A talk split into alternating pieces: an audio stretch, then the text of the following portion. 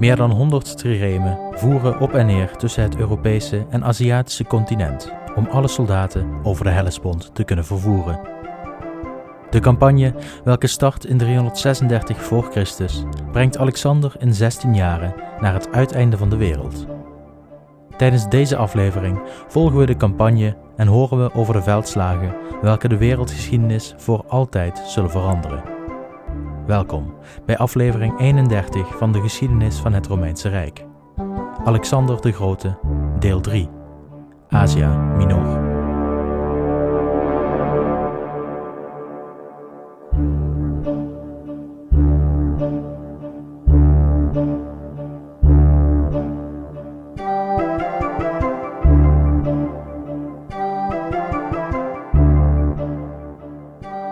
Hoofdstuk 5 Granicus Tijdens de vorige aflevering verlieten we Alexander toen hij zijn speer in de Anatolische grond wierp en het Perzische Rijk accepteerde als gift van de goden.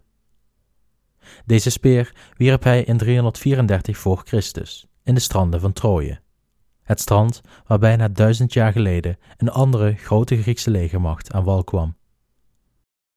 Troje behoorde niet tot het Perzische Rijk, de stad heeft verschillende overheersers en bondgenoten gehad, waaronder de Atheners, Spartanen en ook de Perzen, maar is ook meer dan eens onafhankelijk geweest. Gezien de tijd van de Atheners voorbij was en ook Sparta geen rol van betekenis meer speelde in deze regio, lijkt het mij waarschijnlijk dat Troje onafhankelijk is geweest ten tijde van Alexanders campagne. Alexander werd door de Trojanen ontvangen en het werd de lanceerbasis van zijn verdere tocht naar het oosten. Zowel de troepen die Alexander meenam uit Griekenland, als de 10.000 troepen die door zijn vader reeds eerder de overtocht hadden gemaakt, sloten zich bij hem aan.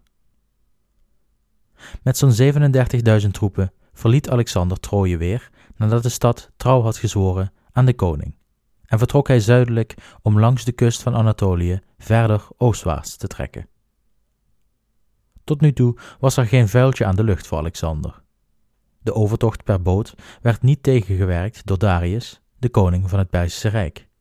En ook nu hij in Anatolië was, zag hij geen spoor van een vijandelijk leger. Het eerste doel van Alexander was het veroveren van de hoofdstad van de Perzische satrapie, Frigië, een koninkrijk in Centraal-Anatolië. Darius had Alexander tot op heden niet gezien als serieuze bedreiging en het leek even alsof deze onderschatting in stand zou blijven. Het was echter een Griekse generaal die Darius bewust maakte van het gevaar van Alexander.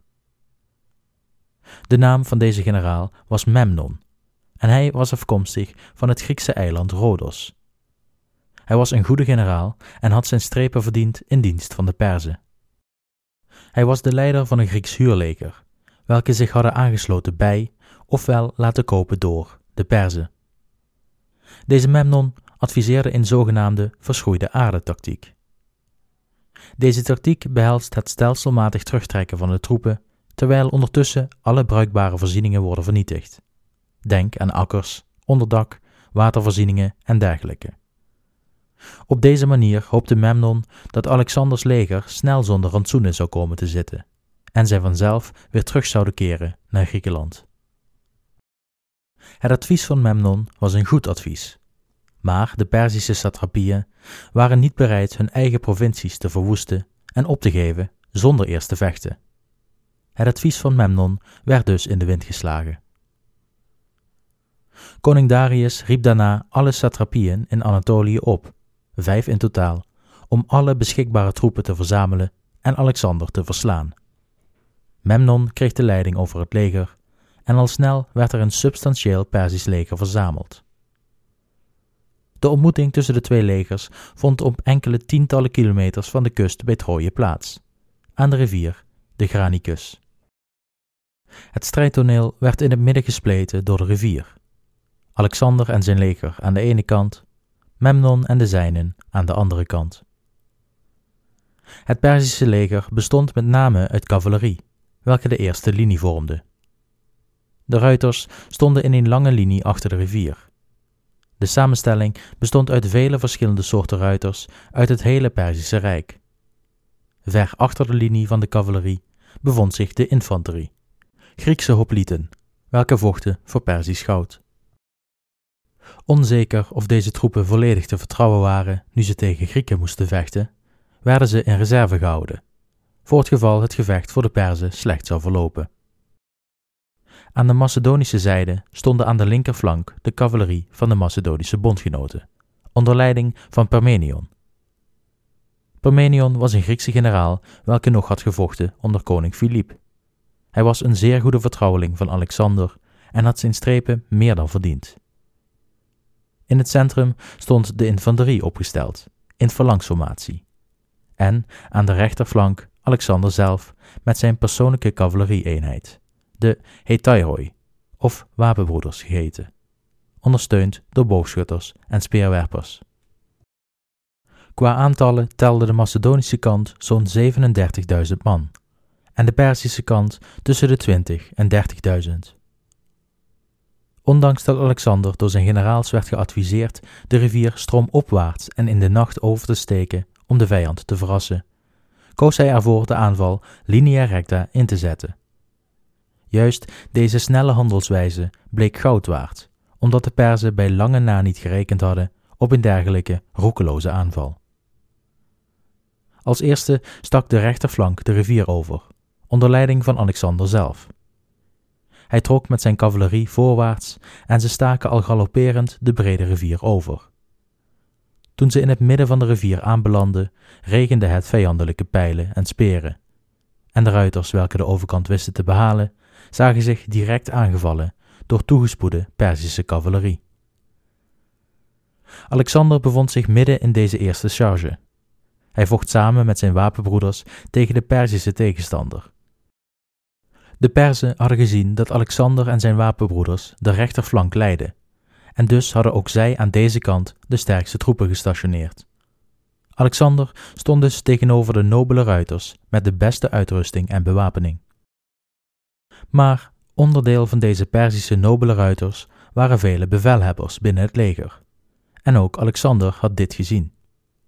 Hij trok met zijn wapenbroeders naar het centrum van deze nobele ruiters en aldaar vond een bloedige strijd plaats. Paard aan paard, man aan man werd er gevochten. De Macedoniërs probeerden met man en macht de Perzen van de rivieroever weg te krijgen, en de Perzen probeerden dit te voorkomen en Alexander en zijn mannen terug te dringen de rivier in.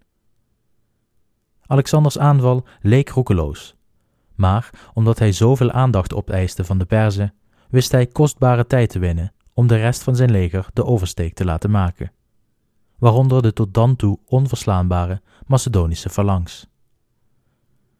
Maar dan verkeert Alexander ineens op de rand van leven en dood.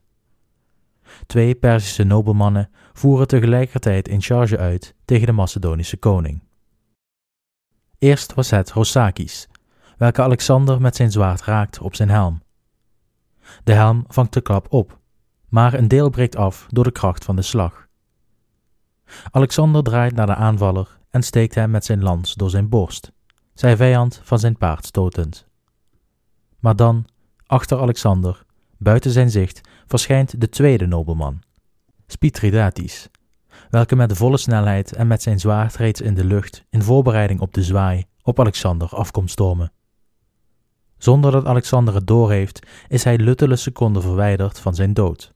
Wanneer plots Kleitos de Zwarte aan Alexanders zijde verscheen en de gestrekte arm van de Perzier met zwaard en al van zijn lichaam hakte. De rest van het Macedonische leger weet in de chaos rondom Alexander de Granicus over te steken. De Perzische ruiters stonden nu oog in oog met de steeds dichterbij komende muur van speerpunten.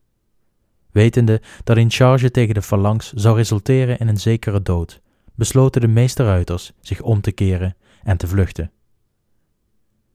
De snelheid waarmee Alexander zijn aanval had ingezet, betekende dat de Griekse huurlingen in dienst van de Perzen niet genoeg tijd hadden gehad om zich bij de rest van het leger aan te sluiten. Met Perzische ruiters die aan alle kanten vluchtend voorbijschoten, realiseerden de Griekse huurlingen zich te laat dat de slag al voorbij was, voordat zij deel hadden kunnen nemen. Alexander liet daarop zijn leger de achtervolging inzetten, en toen hij de Griekse hoplieten zag, liet hij ze omsingelen. De Griekse huurlingen smeekten om vergiffenis, Maar Alexander toonde geen medelijden. Wellicht woest omdat deze Grieken in dienst van de aartsvijand vochten tegen landgenoten, gaf hij het bevel aan zijn troepen de aanval in te zetten. Het resultaat was een bloedbad en een slachtpartij. Slechts 2000 huurlingen werden gespaard om teruggestuurd te worden naar Macedonië, om aldaar de laatste dagen te slijten als slaaf. Alexander had hiermee zijn eerste grote veldslag gewonnen. Het verzet van de vijf Perzische satrapieën was gebroken en Asia Minor was overgeleverd aan Alexanders genade. Darius, de koning van Perzië, had inmiddels gehoord van de overwinning van Alexander. Hij besefte dat hij de Macedoniërs had onderschat en kwam in beweging om tegenstand te bieden. Hij zette de immense middelen van zijn rijk in om het grootste leger te verzamelen dat de geschiedenis ooit gezien had. Als Alexander het Perzische Rijk zou willen veroveren, was zijn volgende grote tegenstander de koning der koningen zelf. Maar voordat Alexander Darius tegen zal komen, moet hij eerst Anatolië onderwerpen. Ten eerste marcheerde Alexander naar de hoofdstad van de satrapie, Lydia, genaamd Sardis. Deze stad gaf zich direct over bij het zicht van het Macedonische leger. De poorten werden geopend en zonder gevecht werd Alexander onthaald als bevrijder. Op het thuisfront had Alexander een vertrouweling als regent aangewezen, namelijk Antipater. Deze Antipater had de bevoegdheid naar willekeur dictators aan te stellen om steden die problemen leken te gaan veroorzaken te besturen met harde hand. Echter, in Anatolië koos Alexander voor een heel andere aanpak. In plaats van streng bestuur werden de nieuw veroverde steden grotendeels met rust gelaten. Hij liet het bestuur van de stad zitten, het dagelijks leven onverstoord doorgaan en hij legde geen Griekse gebruiken op aan de bevolking. Dit deed hij om zijn reputatie als bevrijder te sterken. Wat hij echter wel deed, was het opzetten van een speciale, laten we zeggen, commissie. Deze commissie werd belast met het verzamelen van de belastingen onder de verschillende satrapieën. Zo scheidde hij de politieke en financiële systemen van elkaar en zorgde hij ervoor dat er genoeg geld werd opgehaald voor Macedonië en dat er niets meer richting Perzië ging. De andere Griekse steden aan de Anatolische kust stuurden vervolgens ambassadeurs naar Alexander, met het verzoek of ze hun democratieën alstublieft mochten behouden wanneer Alexander bij hen zou arriveren. Alexander ging akkoord als deze steden zich zouden aansluiten bij de Dedische Bond. En zo geschiedde. Zo werden in één klap de Griekse steden bevrijd van Perzische overheersing en zorgde Alexander ervoor dat hij steun kreeg uit de middelen van deze steden. Zo lijkt de tocht van Alexander tot nu toe een eenvoudige. Maar de Perzen hadden nog één plek waar ze Alexander pijn konden doen, namelijk op de Egeïsche Zee. Alexander was afhankelijk van bevoorrading en communicatie met zijn thuisfront via de Atheense marine. Het verliezen van de bevoorradingslijnen zou een campagne behoorlijk bemoeilijken, en daarbij zou het nieuws van eventuele opstanden in het thuisland Alexander te laat bereiken. En dus stuurde Darius de machtige Perzische vloot naar de Egeïsche Zee en stuurde hij financiële hulp naar onder andere Sparta om rebellie te stimuleren. Alexander wist dat hij iets moest doen en hij besloot om de marinebasissen aan land aan te vallen. Deze bevonden zich aan de westkust van Anatolië, in de steden Miletus en Halicarnassus. Alexander trok met zijn leger naar deze steden, en in tegenstelling tot Sardis gaven deze steden zich niet gewonnen. Memnon, de Griekse generaal in Perzische dienst, was met het restant van zijn troepen naar Halicarnassus gevlucht, en hier groef hij zich in achter de stadsmuren. Halicarnassus, hedendaags Bodrum, was van oorsprong een Griekse kolonie, maar na de dood van de leider werd deze door Darius vervangen door een Perzisch gezinde bestuurder genaamd Orontobates. Samen met Memnon leidde hij de verdediging van de stad. Alexander stuurde spionnen de stad in om Grieksgezinden te ontmoeten. Ze hadden beloofd de poorten van de stad te openen wanneer Alexanders leger aan de horizon zou opdoemen. Toen zijn spionnen arriveerden in de stad, waren deze dissidenten nergens te bekennen. en dus zou een belegering noodzakelijk zijn. De belegering verliep naar behoren en de stadsmuren leken open te breken toen Memnon zijn katapulten inzette. Dit dwong Alexanders leger tijdelijk terug. Het leek een eerste nederlaag te worden voor Alexander, maar tegen ieders verwachtingen in begaf de stadsmuur het alsnog en stroomde de stad vol met Macedonische soldaten. Orontobates werd gedood in de gevechten, maar Memnon wist te ontsnappen en zette voordat hij met de boot de stad verliet, de stad nog een lichter laaien. Twee derde van de stad brandde vervolgens af. Memnon zou nog de leiding nemen over een Perzische vloot, en hij veroverde twee eilanden aan de kust met Anatolië, waarna hij een natuurlijke dood stierf. De Perzische vloot trok hierna terug uit de Egeïsche Zee.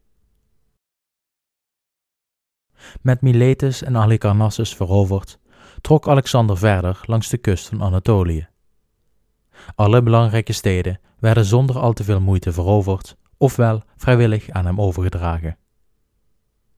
Met de Anatolische kust veiliggesteld, zorgde Alexander ervoor dat de Perzische vloot geen basissen meer had om tussentijds aan te meren. En dus waren zijn bevoorradings- en communicatieroutes in de Egeïsche Zee veiliggesteld.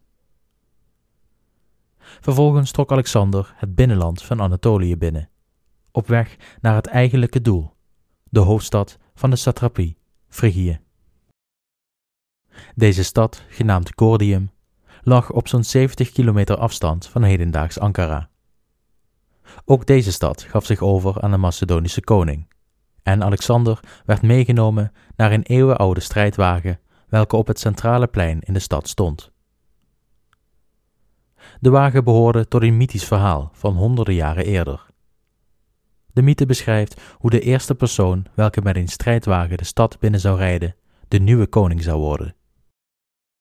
Dit was die strijdwagen, en de man welke de strijdwagen bestuurde, werd inderdaad de nieuwe koning. Deze koning was inmiddels koud en begraven, maar de wagen bleef staan en er ontstond een nieuwe mythe. De wagen werd verbonden door een knoop, welke het achterste deel met het voorste verbond. Deze knoop, welke bekend stond als de Gordiaanse knoop, was zo strak aangeknoopt en dermate ingewikkeld dat nog nooit iemand de knoop had weten te ontrafelen. En de mythe ontstond daarom dat diegene die de knoop wist te ontrafelen, koning zou worden van heel Azië. Alexander kwam aan bij de wagen en hoorde over de mythe. Zijn aandacht werd direct gefixeerd op het ontwarren van het ding. Hij bekeek de knoop van alle kanten, trok aan ieder stuk touw dat het toeliet, maar de knoop werd alleen maar strakker. Toen de Macedoniërs op het punt stonden het op te geven, merkte Alexander op dat de mythe niets zei over de manier waarop de knoop ontknoopt moest worden. Hij nam zijn zwaard uit de schede, hief zijn arm en sneed de knoop met een harde zwaai doormidden, waardoor de Gordiaanse knoop eindelijk loskwam. Die avond donderde en bliksemde het de hele nacht, waarmee Zeus zijn goedkeuring gaf aan Alexander.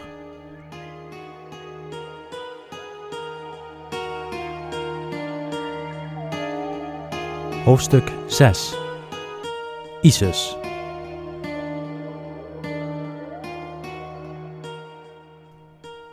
Met het ontwarren van de Gordiaanse knoop had Alexander de mythe doorbroken en zou hij volgens de legende de nieuwe koning van Azië worden. Dit voorteken en het overnemen van de hoofdstad van Frigië was voldoende om de provincie onder zijn controle te krijgen. Anatolië was nu vanaf de westkust tot aan de Armeense gebergten onder Macedonische heerschappij. Het volgende doelwit van Alexander was de satrapie Cilicië.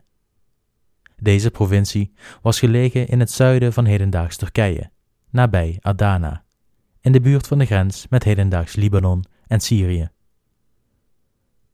Om er te komen trok Alexander met zijn leger door Cappadocië, een andere provincie ten oosten van Frigië. Het landschap was er bar en ruig, en voor zo'n 150 kilometer kwamen de Macedoniërs geen enkele bron van water tegen, wat het leger behoorlijk verzwakte. De provincie Cilicië wordt van de rest van Anatolië gescheiden door het Taurusgebergte. en Alexander zag al snel dat er maar één route door dit gebergte geschikt was voor zijn troepenmacht. Deze smalle bergpas stond bekend als de Cilicische Poort en het was de toegangspoort tussen Asia Minor en Syrië. De doorgang stond te boek als makkelijk verdedigbaar en was in veel opzichten te vergelijken met de pas bij Thermopylae. De doorgang had makkelijk verdedigd kunnen worden. Maar de Perzische satraap van Cappadocië had echter een opgeblazen beeld van zijn eigen mogelijkheden. Hij was bij de slag bij de Granicusrivier geweest en geloofde dat de verschroeide aardestrategie van Memnon hier zou werken. Echter was de situatie bij de poorten heel anders dan in West-Anatolië. Alexander had nu namelijk hele provincies overgenomen van de Perzen, die hem konden voorzien van voedsel, geld en soldaten. De verschroeide aardstrategie had dus geen enkele kans van slagen. Had hij een goede verdediging van de pas opgezet, dan was de kans groot geweest dat hij Alexander had verslagen. Maar hij koos om slechts een klein leger te stationeren bij de poort, terwijl hij met het gros de velden introk, om deze te vernietigen voordat Alexander eraan zou komen. Toen Alexander uiteindelijk aankwam bij de Cilicische poort, liet hij s'nachts een verrassingsaanval uitvoeren en werden de bewakers van de pas makkelijk verjaagd. De dag erna trok Alexander gemakkelijk door de poort van Cilicië, waarna Alexander sprak dat hij in zijn hele carrière nog nooit zoveel geluk had gehad. Eenmaal aan de andere kant van de pas kwam Alexander aan bij de berg Taurus. Hier kwam hij eindelijk weer stromend water tegen. Het was een beekje dat zijn oorsprong vond hoog in de bergen, en het water was dan ook ijs en ijskoud. Alexander, dorstig en niet nadenkend, sprong direct met zijn hele lichaam het beekje in. Hij verkrampte volledig en kreeg vervolgens stuiptrekkingen. Hij ontwikkelde snel longontsteking, maar geen van zijn artsen durfde hem te behandelen, bang dat ze, wanneer hij stierf, verantwoordelijk zouden worden gehouden. Eén arts genaamd Philippe, die Alexander had behandeld sinds hij een kind was, stemde ermee in hem te behandelen. Hoewel hij snel in coma raakte, herstelde hij uiteindelijk. Twintig maanden na het begin van zijn expeditie was Alexander klaar om de doortocht te maken naar de Levant in de provincie Syrië. Tot op heden had hij slechts één groot Persisch leger hoeven te verslaan, maar daar zou snel verandering in komen. De tocht naar de Levant bracht Alexander en zijn leger langs de kust aan de grens bij hedendaags Turkije en Libanon. Hier ligt het Noergebergte, parallel aan de kust, welke een nauwe vallei creëren dat doorgang biedt naar de Levant.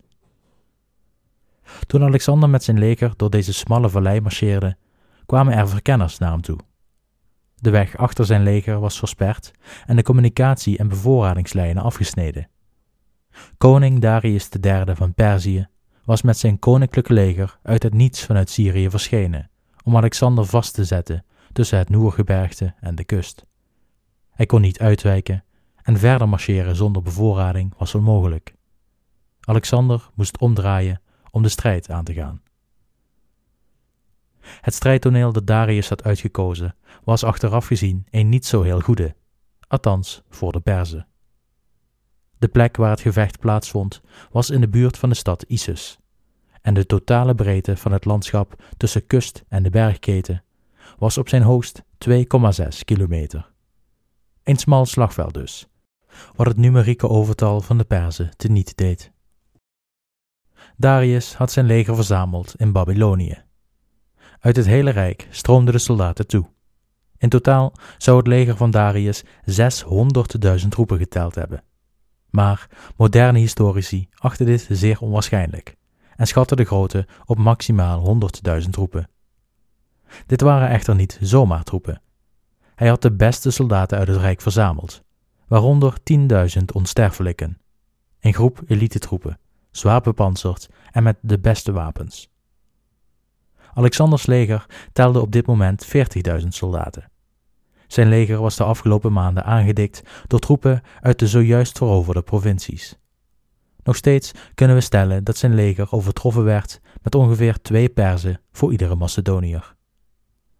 Ook nu werd het landschap doormidden gekliefd door een rivier, de Panirus, met aan de ene kant de Perzen en aan de andere kant de Macedoniërs.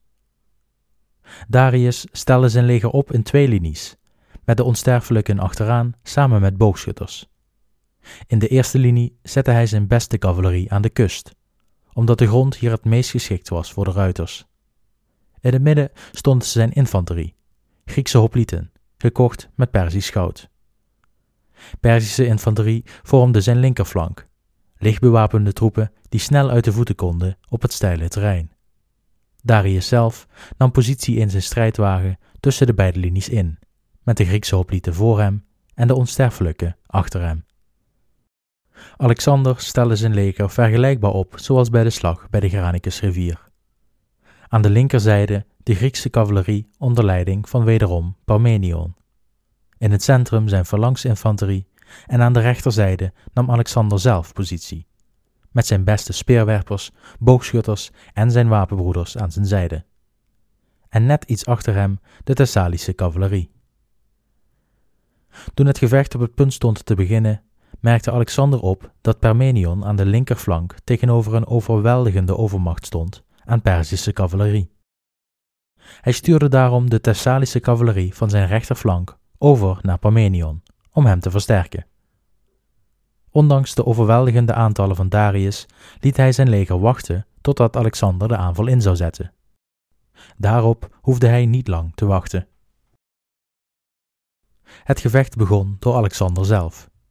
Hij nam zijn wapenbroeders mee in een directe aanval tegen de Perzische linkerflank. Hij stak de smalle rivier over en reed informatie vol de Perzische linie binnen. De kracht en snelheid waarmee de wapenbroeders op de linie ingaloppeerden, stortte de licht bewapende Perzische soldaten in chaos. Maar ze hielden stand. Voor nu. De phalanx in het centrum trok samen met Alexander richting de Perzische linie, maar zou het zwaar te verduren. In een poging de snelheid van Alexanders wapenbroeders bij te houden, moesten zijn soldaten de formatie doorbreken. En toen zij de rivier overstaken, kwamen ze in contact met de Griekse hoplieten van Darius. De strijd was zwaar, en de hoplieten hielden de overhand doordat de Macedoniërs er niet in slaagden hun formatie te herstellen.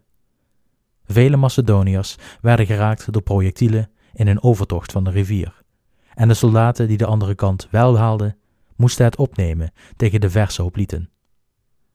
Het centrum van Alexander zat in een penibele situatie, en de onverslaanbare phalanx werd langzaam maar zeker terug de rivier ingedrongen, onder zware verliezen. Toen Alexander deze zorgzame ontwikkeling zag vanuit de flank, liet hij nog één charge uitvoeren op de Perzische infanterie aan de flank, waardoor deze braken en wegvluchtten. Hij hergroepeerde zijn wapenbroeders en trok informatie vanuit de flank naar het centrum, om aan de zijkant en de rug van de hoplieten terecht te komen. Met de volle kracht klapte hij in de linie van de Griekse hoplieten.